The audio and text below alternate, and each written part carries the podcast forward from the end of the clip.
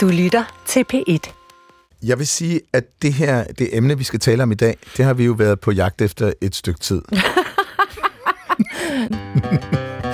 Det er i hvert fald et godt oplæg, du lige kom med der. Du lytter til Vildt Naturligt på P1. Din værter er... Den fuldstændig uovertrufne Vicky Knudsen.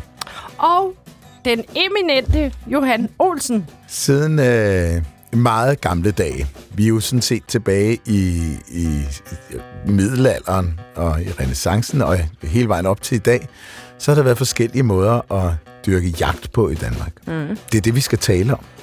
Fordi det er en historie, der ikke bare fortæller noget om selve det at jage. Det siger også en del om den danske natur, og den danske naturs udvikling, natursyn og det danske samfunds udvikling øh, mod et demokrati. Mm-hmm. Så det er en ret stor mundfuld, vi Det har er i ret meget, vi skal nå på en times tid. Og grunden til, at vi har en fremragende undskyldning for at komme ind på det her emne, det er, at vores gæst i dag har skrevet bogen Jagt i Danmark de seneste 100 år.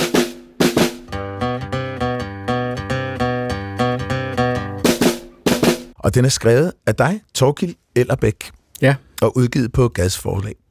Og tusind tak, fordi du ville komme ind og tale, dels om bogen, dels om jagt i al almindelighed. tak fordi jeg må være her.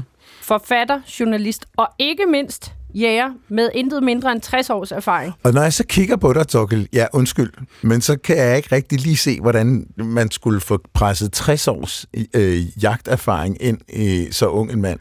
Uh, det var smukt sagt. Det var meget smukt sagt. Men du må da have været gået i gang ret tidligt. Det gør tænker jeg også. Altså, det, jeg, er jo, jeg er jo den generation af, af jæger, og det skriver jeg også om i bogen, at jeg, øh, fra jeg kunne gå øh, på mine små ben, så traskede jeg i hælene på min far, min onkel og min bror i de jyske pløjemarker og kartoffelmarker, når de var på jagt. Ja.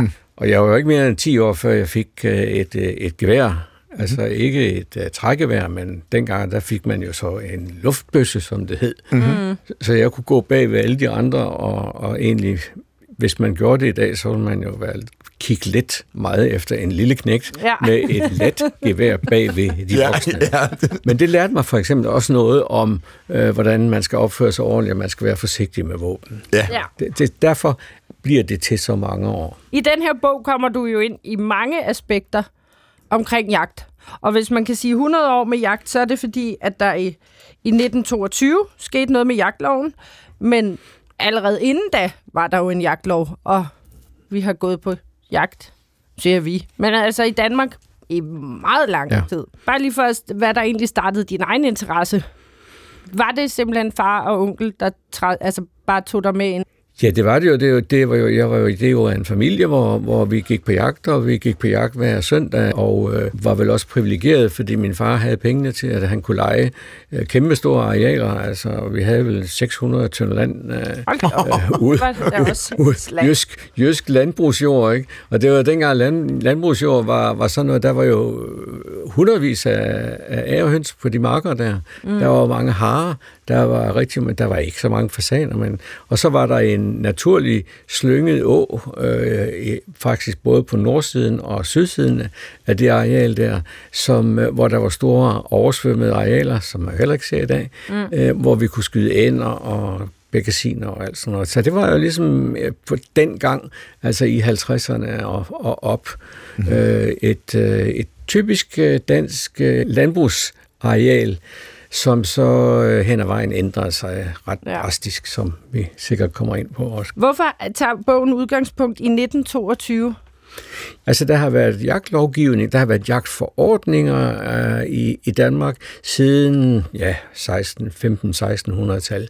Det drejer sig jo i høj grad om at beskytte kongens, øh, kongens vildt, øh, og, øh, og, efter, og så op igennem årene, så var der forordninger, så var der ende, og så kom der faktisk ret tidligt i 1700-1800-tallet nogle begrænsninger på, i må ikke skyde de og de dyr øh, i de og de perioder. Nå, Og okay. det er jo, det er jo ret epokgørende, og det, Ja. øh, uden at jeg ved meget om europæisk jagtdyr, men så tror jeg, at vi har været lidt foran der. Ja. I 1851 kommer der så noget, man kalder jagtloven. Den øh, giver mulighed for udlejning af jagt fra godserne. Ellers så var det jo ligesom kun noget, ejerne kunne. Mm. De kunne invitere nogen ind. Altså en festebunde måtte ligesom på de tre tynde land, han havde, der måtte han godt skyde en fugl eller en hare, men han måtte ikke skyde ærgerhøns. Det blev ligesom, øh, man åbnede lidt for det. Men det, der var med 1851-loven, sådan som jeg har øh, set det beskrevet i, i de øh, kilder, jeg har brugt, det var jo, at det primært handlede om, at godsejerne og adelen havde nogle problemer med de der små lodder, som lå ude i deres grænse, eller uden for deres skæld. Mm. Og der kunne husmanden, hvad, ikke, hvad han hed dengang, Jensen, men det hedder mm. der kunne han jo sidde og skyde øh, noget, som øh, godsejeren mente var hans. Ah. Og derfor så lavede man simpelthen nogle aftaler, at, at, øh, at de der arealer ligesom blev lejet ind til godserne. Ja. Det var ikke et specielt øh, liberalistisk synspunkt på det, mm. men, øh, men det var det, de ville, og det var det, de gjorde. Ja. Så fik de mere sammenhæng. Ja. Og det vil altså sige, at godset sikrede deres øh, grænseområder. Ja. Okay, så det blev en eksklusiv øh, sport, om jeg så må sige, for adelen i 1851. Det har det jo altid været. Ja. Nå, men jeg tænker bare, at du ja. siger festebøndernes... Øh... Ja, jamen, altså, de, jeg tror, altså, hvorvidt at det, de, det var vel ikke det alle steder, det foregik sådan, men der var jo også nogle steder, hvor, hvor de ligesom fik lov til at, at skyde en hare til jul, eller hvad det nu var. Okay. Ikke? Altså, Ja. Den udlejning, som blev åbnet for mm-hmm. dengang, det var øh, sådan en, som, øh, som i hvert fald jordejerne i første omgang havde fordel af. Okay, Og så kommer vi op til der med, med de ting, der sker i samfundet fra, fra fra 1900 til 1921. Der sker mange omvæltninger. Ja. Der sker nogle, øh, nogle åbninger i, i vores, sam, vores samfund, udvikler sig på, på mange måder i, i, i mere demokratisk retning og alt, hvad ved jeg. Øh, og der, så er det en naturlig del, at, øh, at man også kigger på jagten. Mm-hmm. Og det spændende var jo, at det var jo ikke ligesom øh, politikerne, som kom og sagde, at øh, nu skal vi have en ny jagtlov. Nej, det var jægerne, som kom for, via deres ny, nydannede organisation, der hed Dansk Jagtforening, mm-hmm. sammen med Dyrenes Beskyttelse, som også var forholdsvis nydannet, og så endelig øh, Ornitologisk Forening. De tre foreninger, som i dag jo ikke ligefrem elsker hinanden, mm. men dengang, der gik de sammen og sagde, nu må vi have styr på det her. Okay. Dansk Jagtforening, når man læser artikler og indlæg i Dansk Jagtforenings øh, blad, som øh, udkom allerede fra ja, 80, mm. 1880, er utrolig mange indlæg, som, øh, hvor, hvor, hvor medlemmerne råber, råber op om og kritiserer, at nogen skyder for meget, og nogen er for dårlige, og nogen er slemme, og nogen alt sådan noget. Det er meget, meget selvjustits, mm. som, som jo er helt væk nærmest i dag. Ikke? Ja. okay. Så justits inden for sådan en forening er jo temmelig vigtig. Ja. Men, men øh, så de her tre organisationer ja. Går sammen i et ja. Lobbyarbejde for at Ja. lave en fælles jagtlov. Ja.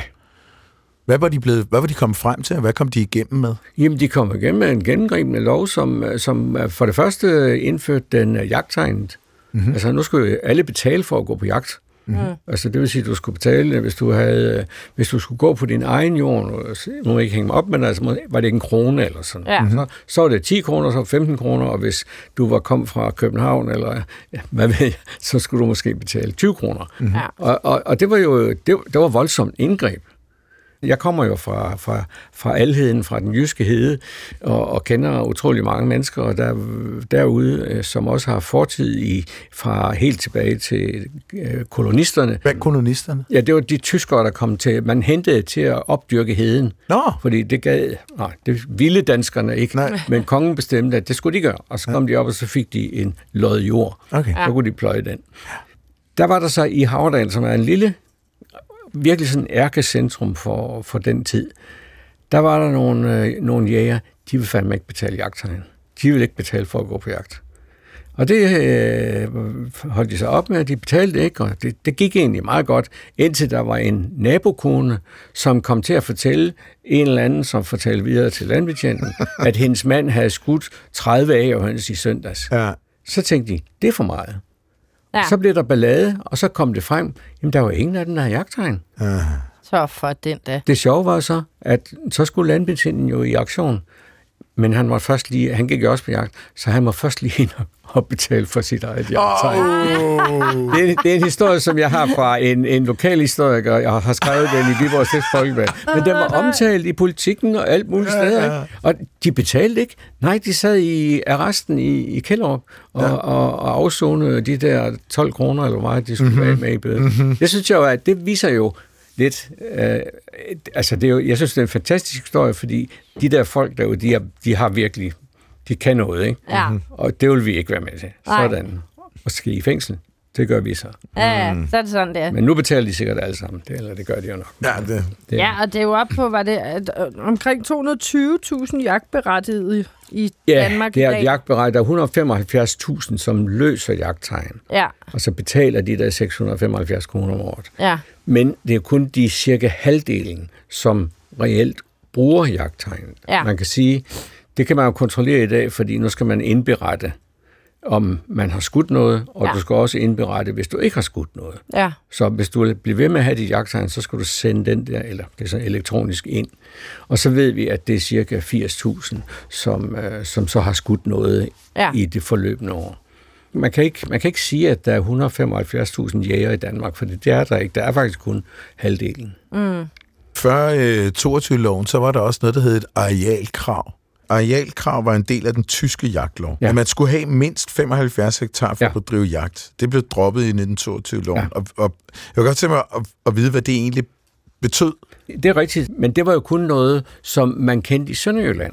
Fordi Sønderjylland af gode grunde jo var under tysk jagtlovgivning. Okay, så Sønderjylland var under tysk lov, jagtlovgivning. Det er rigtigt. Tysk jagtlovgivning, der sagde man, hvis du skal gå på jagt, så skal du råde over 75 hektar, eller hvor meget det var. Okay, så det var, det var adelen og storbønderne, der... Nej, også, øh, så, det var, de, altså, gårdmændene slog sig jo bare sammen, og så sagde de, vi er tre gårde, der er slået sammen, det er 75 hektar, Okay. der, der driver vi jagten. Okay. Nå, så det sådan, måtte de sådan, godt. sådan tror jeg, det fungerede. Ja. Det ja. gjorde det. Og det var jo en... Øh, det, og, den, og det var jo godt, fordi der havde, de havde jo fuld kontrol over, øh, hvad der blev skudt, og hvor mange der gik på jagt på deres areal. Det blev ikke givet fri, ligesom man så øh, i nord for, for grænsen. Og det var, øh, sønderjyderne var meget opsat på at beholde det, men fik ikke lov til at gøre det. Og så det var, blev så udfaset i, over en, en periode. Fordi, fordi arealkravet gjorde det muligt i højere grad at justere jagten, så der... Ja. Okay, så man ikke ja, overjagtede. Ja, eller, ja. Og det, det bliver altså, når det var tre kammerater eller tre naboer, så er det lidt nemmere at sige, jeg synes, du var ude i søndags, men det, det tror jeg, skal vi ikke lige Ja. ja. tage en pause af? Hvad, hvordan de nu har gjort det, ved jeg. Ja, ja. Men det, er jo, det er jo det oplagte. Og, det, og det virkede simpelthen. Ja, Den det virkede dengang. eller den, ja. Ja. fordi man godt kunne se fornuften i det. Ja, ja. Det er vel, er vel også så det, der bliver problemet øh, efter 22, tænker jeg, hvor vi begynder ganske langsomt at få en ret stor middelklasse i Danmark, som mm. har råd til at gå på jagt. Så der pludselig kommer en masse mennesker ind, der måske ikke har samme fornemmelse for vildtet, ja. fordi de ikke bor lige midt i det, ja. Ja. sagt. De kommer ud fra Frederiksberg, og så tænker de, nu skal vi på jagt i Ja. weekenden. Det er der det er til en vis grad rigtigt. Mm-hmm. Men, men man skal hele tiden huske på, at øh, altså, det er jo over halvdelen af dem, der øh, har, har jagttegn og som går på jagt, som har en nærm, nærmest en direkte relation til lands, landsbysamfundet, eller Okay. til, til landbrugssamfundet, mm-hmm. og har familie eller bor, eller hvad, hvad det nu er. Det, man kan sige i, i, i den der forbindelse, og det er måske noget, måske først kommer lidt senere end lige efter 22, det er jo, at at øh, adgangen til at komme på jagt, øh, altså hvis, hvis, i mit tilfælde, så er det jo, det er jo lige efter bogen, ikke? Altså det er, det lærte du af din far og din storebror, og hvis ikke du opførte dårligt, så kom du ikke med næste søndag, eller hvordan det var. ikke? Altså, det, sådan var det jo. Ja. Øh, og, øh, og så, var der, så var, har der været en lang periode, hvor, hvor, hvor man sådan gik på jagt sammen med nogen. Altså i dag, så kan du jo sidde, uanset hvor der, uanset hvilken baggrund du har, og, og, og, og det er jo ikke, man skal jo ikke holde nogen mennesker væk fra at gå på jagt, mm. men du kan lægge et eller andet beløb, og så tegner du dig ind til et øh, jagttegnskursus, som var tre dage, Mm-hmm. Øh, og det er 6 timers undervisning hver dag. Mm. Og så er der en jagtprøve, du skal til, øh, autoriseret jagtprøve, med, som der har kontrol med og alt muligt. Ikke? Og så skal du skyde øh, et antal lærduer ud på en skydebane, og så får du jagttegn. Mm-hmm. Og så kan du dybest set øh, mandagen derefter stille dig op på en stor fasanjagt på Sjælland og skyde øh, det, du har lyst til. Mm. Eller ikke det, du må skyde. Mm-hmm. Hedder det. Og, så, så, det, der, der, og der, kan man, der har jo altid været den der diskussion blandt os gamle og, og af den gamle skole, fordi det, må, det et eller andet sted, så er det jo, så er det jo det, det, man er, når man har min baggrund. Og det er der mange andre, der også har, som heller ikke, ikke, ikke nødvendigvis så gamle som mig, men som ser et problem i, at de nye jæger ligesom mangler øh, øh, forståelse, øh, de mangler den der øh, mangeårige omgang med natur og dyr, øh, som vi andre har fået.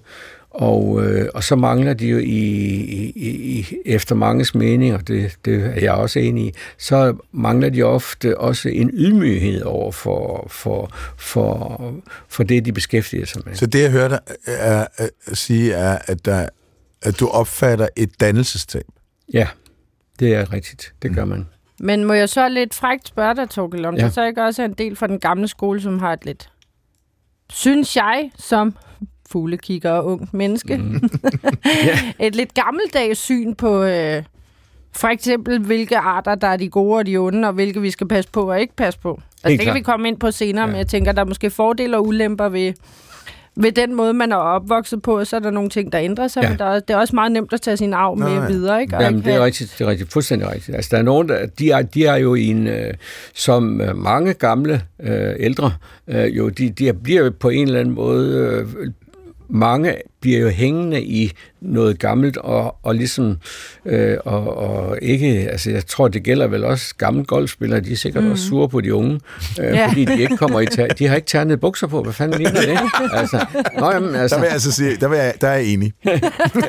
Men, og det er det, og så, så må man ligesom, så sidder med, og der er desværre, så kan man sige, i, i når, når det er de gamle eller ældre og gamle, gamle, skole, gamle skolejæger, vil jeg kalde dem, ikke? så er det så noget med, at, øh, at øh, jamen, de der forbandede musvåger, og, og, og det, det, jo sådan, det ser ja. de jo som, som noget skidt. Og kravfuglene. Ja, men alt, øh, alt, det, det. alt, hvad der kan pille ved en fasankylling, det skal, ja. jo, det skal jo pilles ned. Ja. Og det, det er jo trist, altså. Det, ja. det har jo været altid også. Men den tendens kan vel så også ændre sig, kan man sige. Der er jo hele tiden ting, der det håber jeg. Kan ændre sig, ikke? Øh, I og med, at man får en større forståelse ja. for det. Jeg var i Norge ude på, i Skærgården hvert år i sommerferien tre uger. Og der var jeg fra 1969, det år jeg blev født, mm.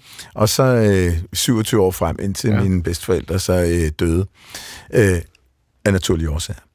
Og øh, så var vi ude øh, og bo i den der ø, og så er til havde vi jo gæster der ikke var vant til at mm. være på sådan en ø der. Og der opdager man jo lige pludselig alt det, man har med i sin opdragelse og i kulturen omkring at have været altså, derude på skærgården i så mange år, som man slet ikke tænker over. Ja. Til de pludselig gjorde de meget dumme ting eller smed madrester ud i vandet, hvor ja. de ikke måtte, og alle de der ting, hvor man slet ikke tænkte over det. Mm. Og så pludselig ser man, det var jo ikke dumme mennesker, eller onde Nej. mennesker, eller de ville kun det gode. Ja. Men, men så ser man pludselig, at, at sådan nogle systemer, netop når du er langt ude i naturen, så, så er der en måde at gebære sig på derude, som kræver en lang proces af forståelse og opdragelse. Og som kræver respekt, og, og respekt er jo i mange tilfælde noget, man skal lære, mm-hmm. noget, man skal tage til sig. Mm. Og det er jo den, synes jeg også er forsvundet på, på mange mm. måder. Når jeg har, været, jeg har jo været på klapjagter og sådan noget, jeg har stået så,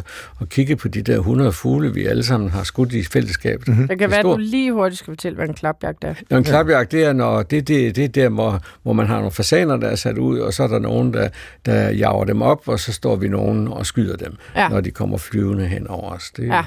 det har jeg gjort meget, og, og, og jeg gør det så ikke mere, men altså... Men der har jeg jo så stået sammen med og der er så mange af de her nye jæger, de har jo købt sig ind på det der, fordi det, det er forholdsvis dyrt.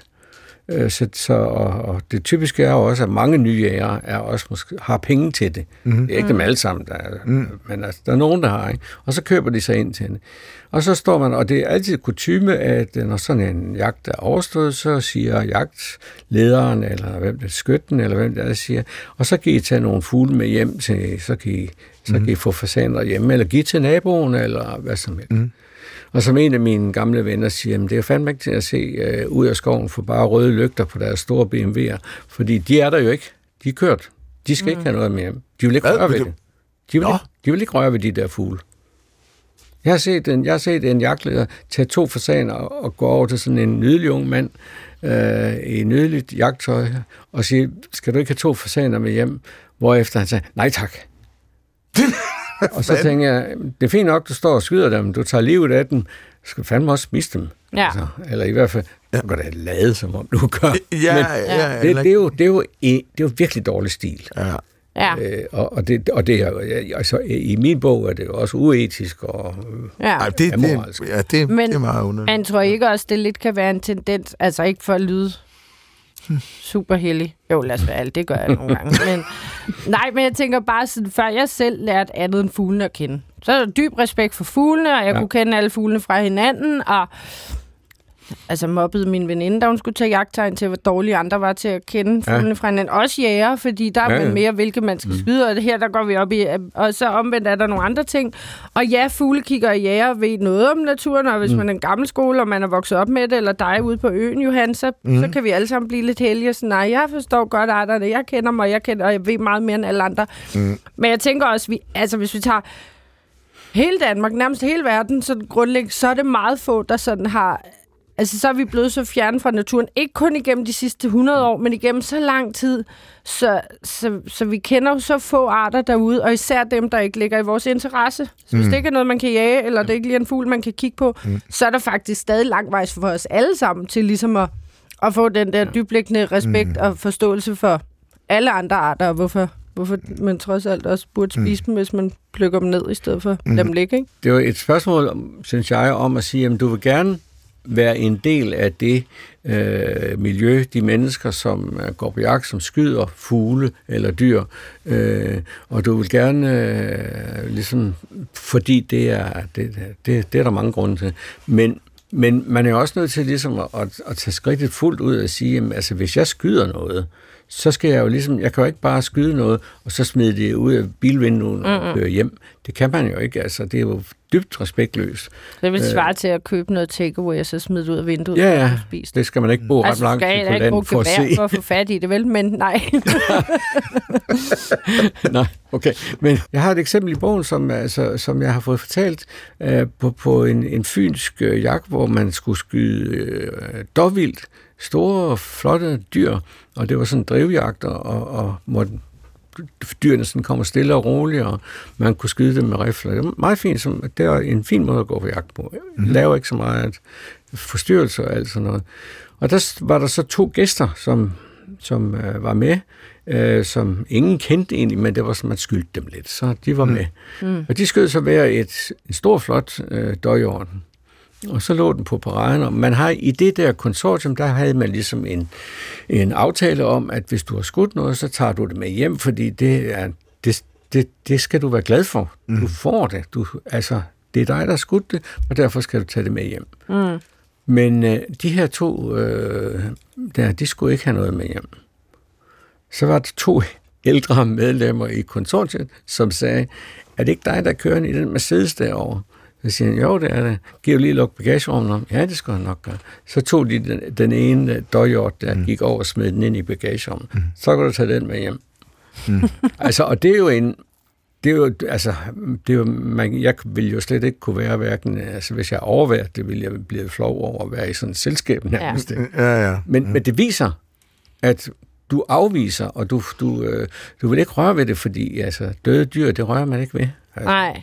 Men så er det jo også, fordi det er blevet udelukkende sport, tænker jeg, som ja. så kunne man lige så godt gå til at lære dueskydning, ja. fordi det har jeg da prøvet, det var da vildt sjovt. Det er meget men, sjovt. Øh, men, men jeg tænker også, man skal passe på med netop at skære alle over med en kamp, for så kunne man lige så godt sige, alle fra den gamle skole har lyst mm. til hader musvåger, selvom de ikke gør nogen fortræd. Ja, det er ja. for dumt, de ikke ved det. Fordi jeg synes, der er mange... For nu kender jeg jo så tilfældigvis flest unge mennesker, mm. og så mange jæger kender jeg heller ikke. Nej. Men jeg synes bare, at de i min optik, hvad jeg synes er, er meget fornuftige at høre på, og det, de sætter sig ret meget ind i dyrene, og de mm. kan bedst lide de jagter, hvor man netop sidder stille og roligt i lang tid og venter, i stedet for en klapjagt. Ja. Det. Øhm, så jeg synes, øh, så er jeg sådan helt, ej, hvor er der håb for fremtiden. Det, jamen, det er jeg fuldstændig enig med dig i. Ja. Altså, fordi altså, det, er altså, det er jo også det, øh, altså, der er flere, der har sagt, at den her bog, den er jo, hænger jo folk ud, og hvad som helst. Jamen, det, det, det er man jo nødt til, ligesom hvis man skal mm. påpege øh, nogle, nogle, nogle ting. Men, men jeg skriver jo også øh, på hver tredje side, at jeg har stor respekt for jægerne, og de fleste jæger opfører sig ordentligt, Ja, ja. og alt sådan noget. Ikke? For det gør de jo. ja. Øh, og, de, og de fleste ja, de skyder kun det, som de skyder. Og jeg ved også, der, og der er så kommet en, den, en trend, som, øh, som, som øh, handler om, at øh, tre-fire øh, unge jæger, de tager ud øh, og, og, og, camper i, i, i fri natur, øh, og så skyder de det, de skal spise, altså helt klart inspireret af nakkered. Mm. Øh, og det er, jo, det er jo en god ting, fordi mm. det er, altså, og så op, oplever de jo også, at, øh, at de kan komme sultne hjem. Altså ikke, Ja. ja. det, Ja. det, det er jo sådan en gammel mand sagt, så kan du komme til hjem. Ja, Ja. nej, men det der er fuldstændig rigtigt. Ja, men det er, jo, det er jo en konsekvens af, ja. hvad man vil og hvad man ikke vil. Der skal jo netop være nogen som dig, Torkel, der sætter en Ja. finger ned på de ting, man Ja. så synes ikke er så smarte, og man skal Ja. også helst kunne turde sige det til et jagtselskab, uden Ja. at blive lukket Ja, af klubben. og det- Så det er vel kun godt, du gør det, tænker jeg. Jeg synes, du hård ved dig selv, når du siger, at hænger folk ud. For Ja. det synes jeg ikke, du gør. Du forholder dig kritisk ja, til de ja, forskellige kulturer, der er. Og så har du i øvrigt gjort det i en ret altså underholdende bog, som også Ja. er for det. opbyggelig på den måde, at du faktisk kommer ja, historisk tilbage ja. Til, til ja. Gammel Danmark, ja. Som du bliver klogere på. Det, mm. det vil jeg lige, lige sige. meget, meget det, spændende. Du får det til at lidt, lyde ja. lidt som, nu der er en sur mand, der har skrevet Ja, ja, ja, ind i en bog. Ja, det håber jeg ikke. Det håber jeg ikke. Men må jeg lige spørge om ting, Torkel? Fordi for eksempel, øhm, at, at nu har vi jo jagtet øh, dyr siden, jeg ved ikke, hvor lang tid tilbage, ja. Også før vi havde gevær. Hvornår fik man egentlig altså, øh, gevær til, nu ved jeg ikke engang, jo, det siger man, havlgevær. Gud, ja. Jamen altså, havlgevær, det er jo... Altså først så fik man jo... Altså man havde de der flintegevær, flintelåsgevær og sådan noget. Det var sådan med en kugle i. Mm. Så fandt man ud af, at det var lidt svært at ramme. Det, Er det 1600-tallet? Ja. nej, det er før. Nå, okay. Altså, det er nok omkring øh, 12-1300-tallet, så begyndte, det begynder at udvikle sig. Hold da Ja. kæft, Og så, er det, så, går det jo, så er der nogle år, hvor det ligesom egentlig er, jamen så går man bare rundt med de der, og, og de skulle jo lades forfra, og, og man kunne, hvis der kom tre fugle flyvende, så kunne man i hvert fald kun skyde den ene, fordi man kunne ikke nå. Og, Nej, nej. så det, det var, altså så udviklet sig, og så bliver der selvfølgelig øh, udviklet meget på, på, på havlgeværene, og, øh, og, så, og så kommer der så i, i, i, i hvert fald i 1700-tallet, 1800-tallet, der begynder det for alvor at udvikle sig med dobbeltløbet havlgevær. Mm, okay. Og, og spe- specielt i England og sådan noget. Jeg har jo skrevet en hel bog om havlgevær, men, men Som det hedder... er meget nørdet, som hedder havlgeværet Sådan. meget nørdet. men, øh, men, men det, er, det, det er jo der, hvor, hvor man så siger, jamen, og nu kan vi alle sammen være med, fordi vi har alligevel nogle flere havler at gøre godt med. Ja. Og, og, og det, på mange måder var, var det jo også bedre, fordi hvad skal man sige, de skød med, med små, med halvstore blykugler, som for rundt i luften. Ikke? Altså, Ja. det, her, det er lidt mindre farligt Ja. med havlgeværerne. Ja. Men så begyndte og det blev jo selvfølgelig også det, der i, fra, fra da den produktionen kommer i gang, og sammen med industrialiseringen i England, øh, på det tidspunkt, England og Spanien var ligesom øh, der, hvor det gik hurtigst, og så kom Italien og nogle andre efter. Ja.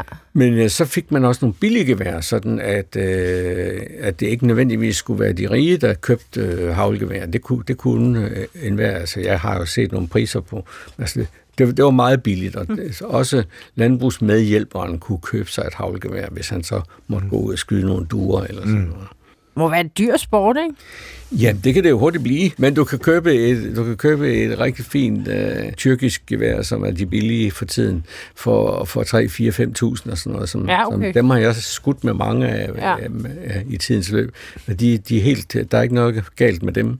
Uh, og så kan du, uh, så har du et par gummistøvler og så mm. nogle Ja, patroner, og så kan du egentlig så gå på jagt. Det, så, så det behøver ikke koste, men det, men det koster jo penge at, ligesom, at komme med Ja. ja. der, hvor det foregår. Mm. Jamen, det var det, jeg tænkte, om det så ikke også koster. Jo, jo. Hvis du er i en jagtforening, for eksempel lokal jagtforening, så arrangerer de jo jagter. Ja. Og de, Nå, ja, og de okay. arrangerer mange jagter for nye jæger, som helt nye, som ikke ligesom har et netværk og alt sådan noget. Så de kan komme på jagt øh, sammen med jagtforeningen og deres venner derfra, Ja. øh, uden at skal betale øh, for det. Men ellers så skal du til at lege dig ind øh, hos en landmand, eller du skal lege dig ind på, på et gods, eller du skal være en del af et konsortium, som jo er sådan mellem 10 og 20-25 mennesker, mm. som går i fællesskab og danner en forening og leger mm. øh, jagten et sted. Ja. Og så kan du jo nemt komme op og ligge og skal betale mellem 30 og 40.000 øh, om året. I, Hold da op. I, det er ikke ualmindeligt. Bruger man forskellige øh, geværer til forskellige typer af jagt? Ja, ja, det gør man. Altså, altså havlgevær, det er jo det, er jo det, du skyder fugle og harer og ind og gæs og mm-hmm. til en vis grad også øh, råvildt med. Og så er der riffeljagten, som jo er, er, er det, det jo det, der fylder rigtig meget. Da jeg begyndte at gå på jagt øh, i 50'erne, der var, det jo, der var der ingen på Herningegnen, som, jo, der var måske et par stykker, som havde jagtriffel. Men det var fordi, de havde selv et eller andet stor skov eller sådan noget. Mm. Så kunne de gå ud og skyde en hjort derude. Eller sådan. Det, det, det kunne de gøre. Eller også så de skovfoder eller skovrider. De havde det. Og Så måske skal man lige sige til lytterne, ja. Hvad forskellen Ja, på altså- et havlgevær og en Ja. riffel er. Altså havlgeværen, det er jo dem, der skyder med havl, der spredes. Ja. Og, og jagtriflen, det er en kugle, mm. som kommer ud af, af et løb, eller Ja. et rør. Mm. Og hvis man kommer fra en jægerfamilie, så har man nogle gange, når man har fået en god steg, mm-hmm. øh, bemærket, hvornår det er skudt med havl. Ja, For så ja, kan man finde ja. havl i kødet. Ja, ja, det det har jeg i hvert fald prøvet en del gange. Ja. Riffeljagten er meget populær. Det kan jeg godt forstå, og, og der er mange unge, fordi altså de rifler, jeg har haft, og nu er det jo mange år siden, jeg stillede mine rifler hen, som Karen Bliksen siger det, så, øh, så, øh, så havde jeg jo nogle, nogle hvor, hvor der var et det var simpelthen noget, der var noget håndværk i. Der var, det, var, det var ikke dyrere nødvendigvis, men der var smuk skæfte og mm. en rigtig god kigger. Jeg brugte flere penge på kigger, der, end jeg brugte på så meget andet. Og sådan nogle ting. I dag er en riffel jo en, du går ind til nogen og får specialbygget. I plastik, i øh, silikone, og you name it. Du kan nærmest få den støbt til kroppen, Nå, så den er en del af din Hold højre arm. Ja. okay. Og det, det, er, det er det, der er trenden lige nu, og det, det er der rigtig mange, der får. Og, og det, altså, jeg synes jo, det er forfærdeligt. Altså, Hvorfor det? jamen, det er for, for, forfærdeligt, fordi hvis du ser dem i dag, så min første association, når jeg ser den slags ting der, det er jo så, at det er et snipergevær, som bliver mm. brugt i Ukraine eller Ja. Syrien eller Du Iran. tænker morvåben? Jeg tænker på, på øh, militære mm. rifle. Okay. Mm. Og det ved de godt. Ja. Ja. Men, øh, men det er ligesom... Altså, i gamle dage, der, det gjorde jeg ikke, men altså, der var ikke nogen i Karup, der ville have kigget efter mig, hvis jeg var kommet gående ned af Bredgade med en riffel over skulderen. Nej. Men ej, Karup er dårlig, fordi der er stor militæranlæg. Men, men Nå, men du skulle... Ja, okay. et andet sted, Ja, ja, hvis jeg var kommet med den der grå øh, camouflage-mønstrede ja. plastikriffel mm. med en kæmpe kikkert på og sådan noget, Ja. så var der nogle folk, der siger, hvad laver han? Ja, ja, lige ja. præcis. De bliver jo ikke billige, sådan nogle der. Nej. Men, men, øh, men til gengæld, så kan man jo sige, at at komme ud og skyde et rådyr, eller en, for den sags skyld også et krondyr, eller sådan noget, som vi jo har i massevis af her i Danmark, det er jo noget nemmere, end at skal finde en, som har noget jagt, hvor der er en hund, og der skal være apportører til at hente mm. vildtet og, og, og, og alt sådan noget, øh, og er aldrig alene. Men hvis man kender en, og så siger han, han kan jo sige, vil du ikke med mig ud, og jeg skal ud og kigge, sidde efter en buk på lørdag, mm. så kan du sidde nede i det andet tårn, og hvis du skyder en buk, så er det fint med mig. Det, er meget, det, det koster jo ikke noget, altså, fordi mm. det er gode venner og et netværk. Det lyder også hyggeligt. Ja, ja, men mm. det er det også, bortset fra, at de sidder der og hundefryser og, ja, ja, og, og snakker ikke sammen. sammen. ja, det gør de jo, fordi de sidder med deres mobiltelefon. Ja. Ej, nej. Og, bare, og så nu kom han, igen, den gamle supermand. Ja, ja. for Sørensen der. Det kunne også være, at de sad med kaffen og hyggede. Ja. Det kan være, ja. ja. Men, Men jeg forestiller mig, at det er sådan, jeg vil gå på jagt, hvis jeg gik på jagt. Så ja. der var sådan noget med at sidde der Men så, i så, så, så er du ikke i det der, som ligesom er den klassiske jæger-sammenhæng, nemlig fællesskabet, mm. kammeratskabet, jagtkammerater. Ja. Mm. Men kan man ikke snakke med dem bagefter? Eller så går man i lærdueklubben Det er ikke sikkert, de er der. Nej, det er ikke sikkert, de er der, vel? Altså. Jamen, men, det er jo men, rigtigt nok. Det... Men der kan du komme ud, og du kan komme på jagt 10 gange om året, hvis du kender, og vil, ja. du måske komme på jagt for 1000 kroner, eller hvad ved jeg. Øh, og der er mange, der arrangerer sådan nogle jagter der, som, mm. som, som, som man kan komme på, ja. øh, som ikke koster det samme, som hvis du skal på en, en, en, øh, en større jagt med havlgevær. Ja, Jamen, hver sin smag. Ja. Vi har besøg af Torkil Ellerbæk, fordi du har skrevet øh, bogen Jagt i Danmark de seneste 100 år. Og åbenbart havlgeværet. Men Torkil er her for at tale om jagt. Nu er vi bare kommet til det tidspunkt, hvor øh, du, Vicky Knudsen, programmets vigtigste vært, Ej, nu skal øh, spille det... en lyd for Torkil og mig. Ja. Det er igen, igen, igen en lytter, der har sendt en lyd ind. Det er nemlig Brian Andersen. Jeg har hørt om det her før. Måske har I hørt om det her før. Så kan I høre her, hvad det er. Okay.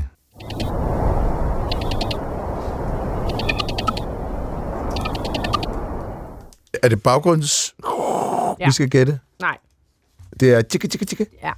Jeg kunne godt lige tænke mig lige hurtigt at vende sådan de forskellige jagtformer. Nu har vi været inde på drivjagt og klapjagt.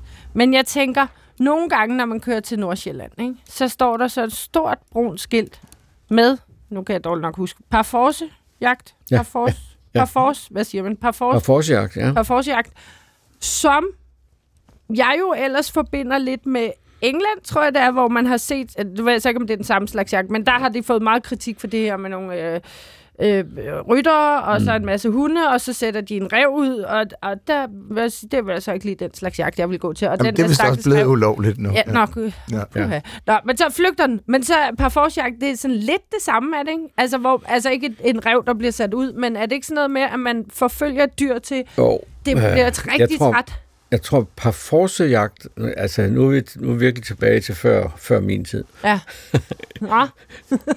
Din, altså, anlægget i, altså, grunden til, at Nordsjælland jo er blevet sådan en verdensnaturarv, ja. det er jo det, det anlæg, der ligger i hele skovområdet, Gribskov og hele vejen rundt der, hvor man jo har, øh, kongen lavet sådan nogle spor ind i skoven øh, hvor, man, hvor han kunne drive ind med sine heste og rytter og, og, og, og spyd og hvad som helst. Og så skulle vildtet jo så ende inde i en kedel, Nå, som man kalder ind med. Nå. Det er et par forsejagter. Okay. Det var sådan noget, man gjorde med spyd og, mm. og, og, og sådan noget. Det, det, altså, det er jo en det er jo en middelalderlig, eller fra før middelalderlig øh, ting. Ja, det er gammelt, ikke? Jeg ved, at man gjorde det med ulve også.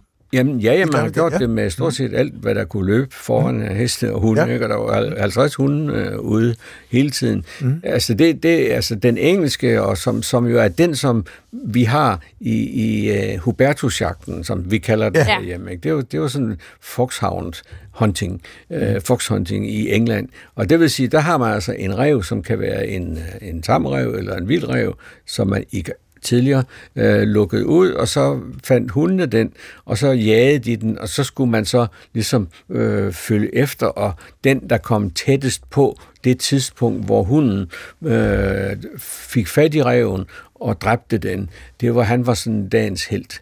Og det var sådan en hund, som du har der, der, var, der blev brugt til at slå ihjel med. Mm-hmm. Mm-hmm. Du går aldrig film. Nej, men uh, Jack, Jack Russell som jeg har, ja. er, er også... Uh, ja, de er meget nært beslægtet, ja, altså, der, den er jo op, den er, havde uh, The Fox Hound Master, den havde han jo i lommen, og så var der 15 hunde, der jagede. Når de så kom tæt på reven, så tog han sin Jack Russell op af frakkelommen og smed hen, og så dræbte den uh, reven. Nå. Det, det, det er jo ulovligt. Kamp, ja, det er jo ulovligt i mange år. Ja. Heldigvis det er jo ja, ja. bizart. Men når man står ude i dyrehaven og klapper af de der rytter, som falder i vandet og sådan noget, så, er det altså, så står man og klapper af en, en ting, som øh, indtil for, kan jeg ikke huske, hvornår var, var det i 70'erne, det blev forbudt eller sådan noget. Det var, mm. Det tror jeg, det var. Altså herhjemme, eller i Ej, England? det er tidligere her. Jeg ved ikke. Nå, tidligere her. Okay. Altså, jeg, Jamen, jeg, synes faktisk, jeg, det er så mange jeg, år ser det ikke som en, jeg ser det ikke som en jagtform. Nej, nej, lige præcis. Men det var netop bare egentlig derfor, jeg spurgte, tak for, at det er blevet øh, ulovligt, for ja. Det lyder da godt nok ja. Uetisk på ja. Mange måder. Øh, og mere som sport end jagt, ja, og i hvert fald ikke særlig meget respekt for byttedyret Nej. der, kan man sige. Mm. Men det var mest det der skilt, jeg netop undrede mig over, at det havde været i Danmark. Men det er så tilbage på kongens tid. Men så har vi jo fået dyrehaver rundt omkring, som er Ja. naturbomber. Altså nu, fordi man jo rent faktisk virkelig har bevaret noget kultur og naturarv sammen. Er det tilbage fra deres tid? Altså dyrehaven i København for eksempel, som jo er fuldstændig fantastisk. Med en fuldstændig unaturlig bestand af, af Ja, kronvildt. ja, det er så en anden det side. man side. sige. Jeg bliver altid lidt sulten, når jeg er derude. Nu spiser jeg jo ikke kød Ja, det- til hverdag, nej. så... Men- Uh, men sådan Der, en der er mange hjorte derinde, ja. Ja. det er der. Ja. Ja. Men øh, jeg tænker mest de gamle egetræer, Ja, ja, ja, ja. noget, jamen, der det er ellers var rigtigt, det blevet rigtigt, fældet ikke, det og bygget til. Ja, ja. Øhm, men er det fra deres tid? Altså, ja, Ja, at det- vi det- har de her store... Det er det jo. Altså, det var fordi, altså kongens øh, jagtmarker var jo, øh, var jo... Jeg har lige siddet og læst en bog, der handler om alheden, som man jo startede med øh, opdyrkning og beplantning af mm. i 1600-1700-tallet. Og en stor del af det handlede om, at øh, man skulle opretholde nogle jagtmarker arealer for kongen. Og kongen, og der havde man så nogle... Øh, man, det en fantastisk ting, som, som, som jeg har set flere steder, men aldrig rigtig set betydningen af. Det var det, der hed øh, sten, altså grænsesten, nu kan jeg ikke have et specielt navn, men altså som markerede grænserne til kongens jagt. Mm-hmm. Hvor meget det kostede at få lavet sådan, det er sådan en, en granitsten, der, Jamen, jeg har set dem. Ja. Ja. Øh, og den kostede jo så øh, lige så meget som en, øh, som man skulle, hvis man skulle købe en ny vogn til en bondegård eller sådan Ja. noget. Men, Okay. og så med guldskrift Ej. på. Sådan at man var klar over, at det var kongens jagter. Mm. Og der, der plantede man jo dengang, og det var fordi kongen jo skulle have Altså, det der hede der, det var lidt, det var lidt træls at, at, at, gå på jagt på. Så der skulle man have plantet noget. Man skulle også have brugtræet. Det var, mm. der var også der var meget fornuftigt det der egentlig. Ja. Men det var nogle voldsomme øh, problemer, det skabte, og det skabte problemer med jagten, og det skabte problemer med, med de bønder, som gerne ville, ligesom havde listet rundt på heden og skudt Ja. ja. til, til gryden, ikke? Drivjagt, klapjagt. Ja. Er der andre jagtformer? Ja, jamen altså, den der, det er jo så meget i dag, at der sidder man i sådan nogle tårne, mm. øh, som i gamle dage hed en hugstand eller en hugsitz fra tysk. Og så her var man 2-3 meter op over overfladen, så man ikke, dyrene ikke kunne lugte en om i øret, når man så Ah, skød, så ja. skød man nedad, hvilket også var mere sikkert. Ja, Det er meget populært. ja. Efter min mening, så er der kommet lige lovligt mange af dem, ikke? Ah, okay. De står jo simpelthen tæt ude langs med skillene i Ja. ja. skove og sådan noget. Men det, det, er, det er lovligt, og det gør man, og det er også en udmærket måde at gøre det på.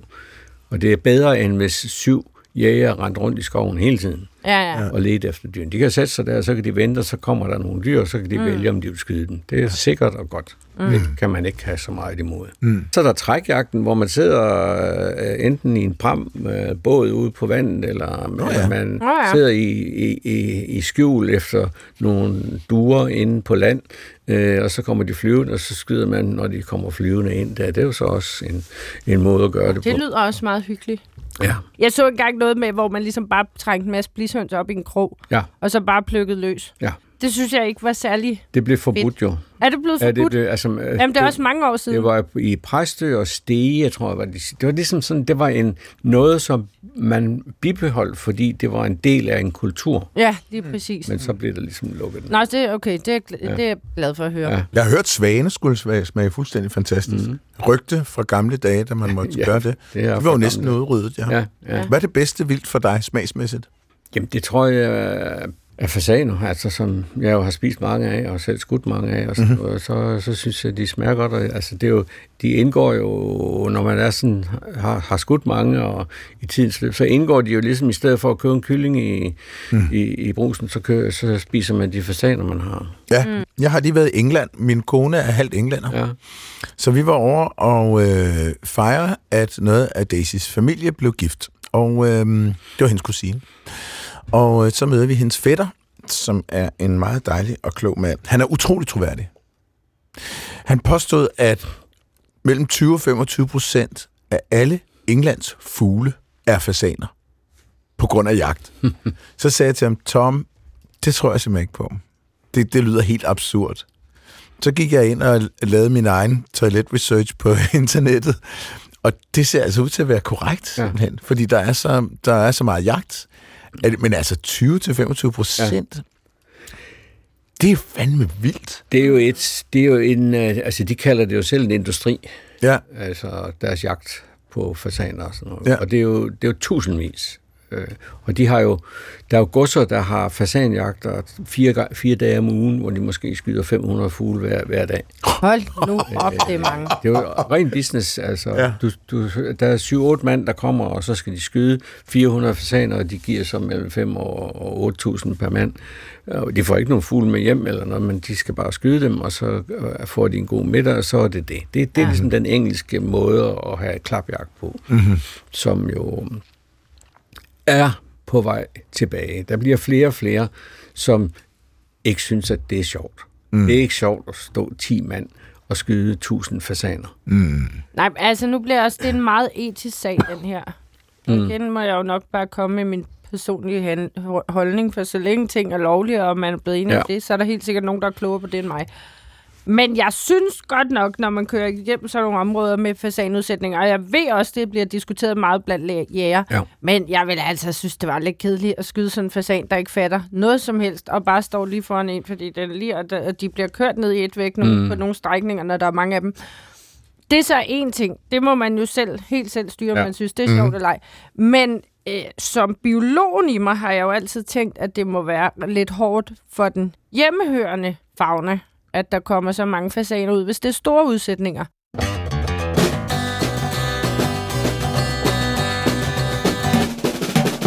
Til sidst, Ja. bliver nødt til at høre her til sidst. Du har næsten altså lidt åbnet op for den. Det virker ikke, som om du går på jagt mere. Nej, det gør jeg heller ikke. Hvad er årsagen til det? Altså, jeg vil sige, at øh, sådan, det er jo noget, der kommer. Øh, altså, jeg, altså, hvis man er hvis man er 50 eller 60 eller i 60'erne øh, og går meget på jagt og, og, og sådan noget, så, så tror man jo ikke, at øh, altså, det er ligesom, man, man, man tror jo ikke, at det, man bedst kan lide, at det holder man op med. Mm. Men det gør man jo. Altså. Ja. Der, er jo der er jo ting, der ligesom, ikke fordi ikke man ikke kan, men fordi at så så er det ikke interessant mere. Det, Nej. og, og for mig har det, var det jo noget, der var lang tid på vej, og, det, og det, en del af den her bog er jo, er jo et, øh, ligesom et, øh, nej, det er lidt for fint at kalde det et testamente, ikke? Men, mm. men det er jo et tilbageblik på en udvikling, og hvis man har læst den, så må man jo også sige, at, at det er jo ikke en, som jeg ligesom sådan står op hver søndag morgen for at være en del af. Mm. Det, det er flere år siden, jeg synes, at det var lidt træls at stå op søndag morgen for at skulle på jagt. Ja, Men jeg gjorde det jo, fordi det var jo... Det gjorde man jo. det gjorde man jo. Ja. Ja, mm. men... Og så kommer der det, at øh, altså, de, de sidste mange år, der er faktisk kun... Altså, da jeg selv havde, øh, havde plantage i Jylland, der var der mange snapper, så skød jeg snapper, og det var, det var, det var en meget, meget fin jagt. Mm. Og svær, ikke? Nu må det være svært. Ja, det er meget svært. Jeg synes, det er Øh, rigeligt og- svært, Og det er jo sådan noget, altså, så kan, altså, det er sådan noget, i gamle dage var det sådan, det var ret fint, og mm. dem, der gjorde det, og det var jeg jo sådan en del af. Og så fik jeg lige pludselig et par bøger ind. What? Hallo? Altså, der er nogle englænder, der har skrevet nogle bøger, der er nogle tyskere, der har skrevet nogle bøger om snipperne. Hvor jeg så går op for, der er sådan nogle snapper der, som når de kommer til min plantage i Vestjylland, så er de, så er de fløjet 3.500 km over fra, fra, fra Murmansk. Ja. For fanden da, det kan jeg da ikke skyde. Det er Nej, åh, nej, så kom. uansvarligt. ikke? Ja. Og det er det, jeg har ser i dag på de sociale medier. Det er, at der er nogen, der lægger ud, Altså, og dengang, altså, øh, det man kalder fine, rigtige snappejæger, og det var jeg jo, øh, vi skyder måske to, tre på en dag, og ikke mere. Og vi skyder ikke hver dag. Men så kommer man på de sociale medier, så kan man så læse, at er der snapper? Ja, det er der. Nå, så næste dag, så lægger de en eller anden ud, at øh, han har skudt 25 snapper for, lille, for lille koko. Og så tænker jeg, nå, og så skriver han, Gud døde med til sidst. Det var også nemt, fordi de var jo trætte. Mm.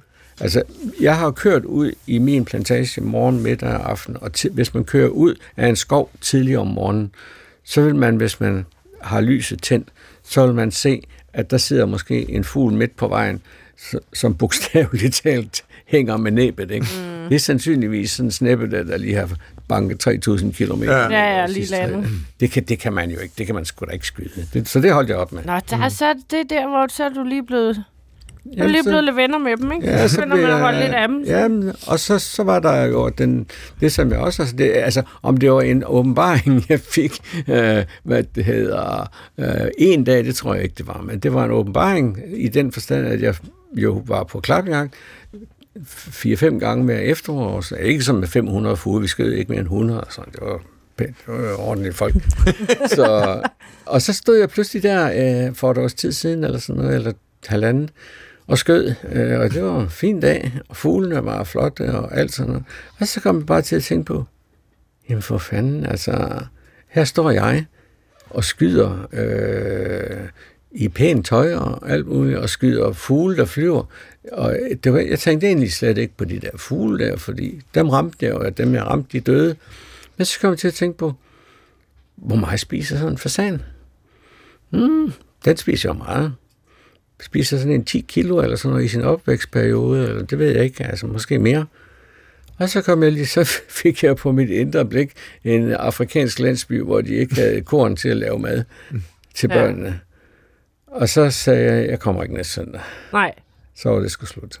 Det her er meget, meget, meget imponerende, det du fortæller ja. om her. Ikke fordi jeg tager moralsk stilling, fordi jeg vil sikkert også kunne argumentere for, at det behøver du ikke bekymre dig om. Men det, der er vigtigt for mig, og sikkert også for en masse lyttere, det er, at den følelse af pludselig at opdage, hvad der er for enden af ens gaffel, det der med pludselig at opdage, hvad det er for et liv, man lever, hvad det er for nogle beslutninger, man tager, hvad det er, man gør, og hvordan det påvirker omgivelserne og verden i det hele taget, den er meget svær at opnå, og den er utrolig svær, kan vi se nu, hvor der er rigtig mange af os, der går rundt og bekymrer os mm. om Ja. overforbrug og, og alle de her ting, og CO2 og klima og ting. Altså, det, men det er jo meget, meget svært at få andet end en sådan lidt intellektuel forhold til det, fordi vi, vi kigger på det, Nå, men det er jo nok ikke så godt, det er rigtigt, men det at simpelthen tage op og kigge så meget ind, at man egentlig ændrer sin adfærd, det er altså utrolig sjældent, det sker, mm. Det, der skal du godt Ja, nok have af. en meget, meget stor hatten af for den. Når jeg har fortalt det til gamle jagtkammerater og sådan noget, så får de jo så også øjne så store som den mellemste hund i fyrtøjene. Ja, Ja, den mellemste. Ja. sker der. Ikke den store, men den Nej. mellemste hund. Ja, ja. Ja, okay. Men det, der også betød noget for mig i den fase der, det var jo ligesom også, at jeg så, at, øh, at jagt har udviklet sig. Ikke al jagt, det skal jo selvfølgelig siges. Der er nogen, der bare går og hygger sig og har det fint, og ikke gør andet end, øh, hvad, hvad der er i orden. Men at meget jagt har udviklet sig, sådan at man simpelthen øh, ikke, øh, for det, altså, det er jo nærmest blevet mit mantra her på det sidste, ikke? det er, at det jeg gerne vil, jeg vil virkelig gerne have, at vi genskaber respekten for vildtet og dyrene, mm. og at vi genskaber respekten for naturen. Mm. Og den, de ekstreme, altså ikke, men de der mange jagtformer, de har ingen respekt for hverken fugle, dyr eller, eller, eller naturen. Mm. Og du, det, du bruger, når du er, er kras i bogen, så bruger du ordet grådighed. Ja, Og det, nu har vi ikke nævnt det Nej. endnu, fordi Nej. der er jo ingen grund til, eller, men, men det synes jeg egentlig er meget fint, fordi er det ikke det, som øh, al øh, civiliseret, som vi kalder det, øh, opførsel er baseret på? Lad være med at være grådig. ja. Du holder døren for et andet menneske, fordi du ikke er grådig med at skulle være først Nej. igennem. Du, så det er i det hele taget øh, en rettesnor, som jeg også har givet videre til mine unger. Ja. Men jeg siger, jeg kan ikke lære jer alle reglerne. Bare tænk på sådan her. Lad være med at være grådig. ja. Ja. Jeg tænker bare, at Torkel, 100 år er jo egentlig utrolig kort tid. Mm-hmm. Men jeg tænker bare, hvor meget der er sket på de 100 år. Jeg har boet tæt på naturen i halvdelen af mit liv, og mm. været mere end halvdelen af mit liv øh, ude i den. Og jeg har mødt mange mennesker, og, og jeg vil da sige, at der er rigtig mange mennesker, som i de senere år har fået en forståelse for, for naturen, som, som de måske ikke havde for 20 eller 50 år siden. Mm. Vi bliver nødt til at uddanne folk. Der er nogle ting, som vi bliver nødt til, fordi der er mange, der ikke sætter tingene ind i den sammenhæng, de er. Mm. Nå, vil I øh, Vi skal gætte en lyd. Nå ja. høre en lyd igen Ja, her det til tror jeg. sidst? Ja, det tror jeg er nødvendigt.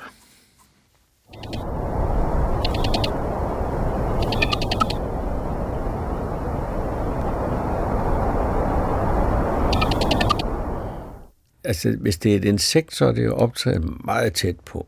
Og det er ligesom noget, der ikke tyder på, fordi der er for meget støj omkring det. Så jeg, jeg tror, det er en fugl. Det med insekter, der kommer jeg til at tænke på, netop fordi baggrundsstøjen er så høj, kunne det tyde på, at man har skruet virkelig meget op for at få Ja, fat på lyden. Ja. Men insekt, det kan jeg, jeg kender ikke et insekt, der siger sådan der. Sidder de store græshopper og gnider bagbenene op. Jo, Nej, det, det tror jeg ikke, det er, men nej. det er en lille grådig fugl. det er en lille grødfugl, det vil jeg også mene. En lille grådig fugl. Ja, jeg tror, det er en isfugl i parings... Det er en paringskald fra en isfugl. Ja.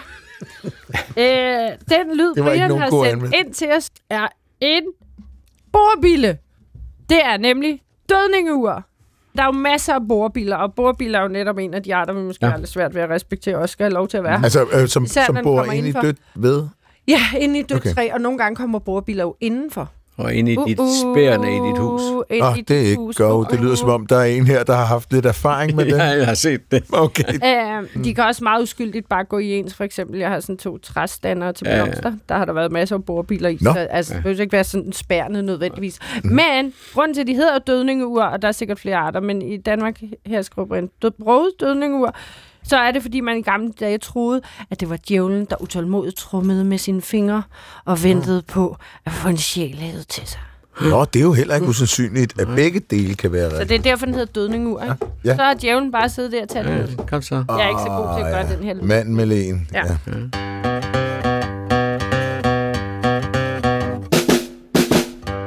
Tusind, tusind tak for besøget.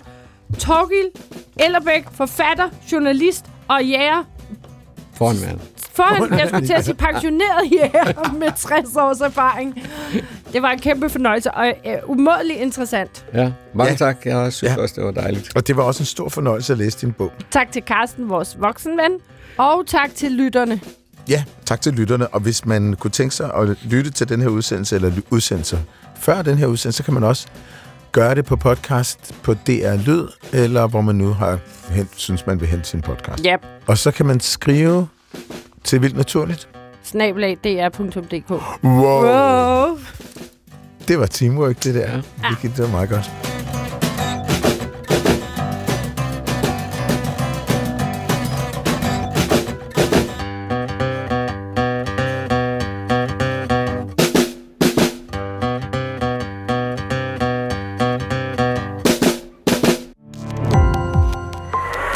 Opdagelse i alle DR's podcast og radioprogrammer. I appen DR Lyd.